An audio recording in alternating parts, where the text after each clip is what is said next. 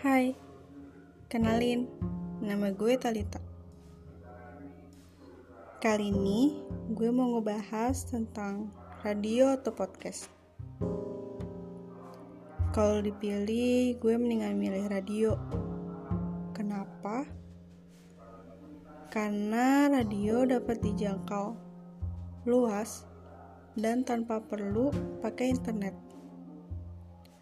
karena gue sendiri adalah tipe orang yang suka males pakai internet.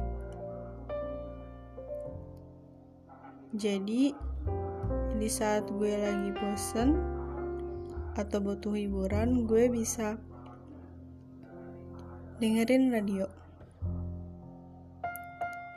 Radio sendiri pun bisa diakses lewat HP website atau bahkan radio itu sendiri. Radio nggak melulu tentang musik atau pembahasan yang mereka berikan, tapi radio juga bisa memberitakan sebuah berita baik secara langsung maupun tidak langsung.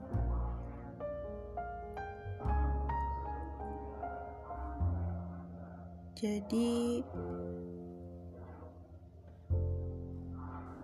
Gak sekedar dengerin musik aja, tapi bisa nambah wawasan. Kalau menurut kalian gimana?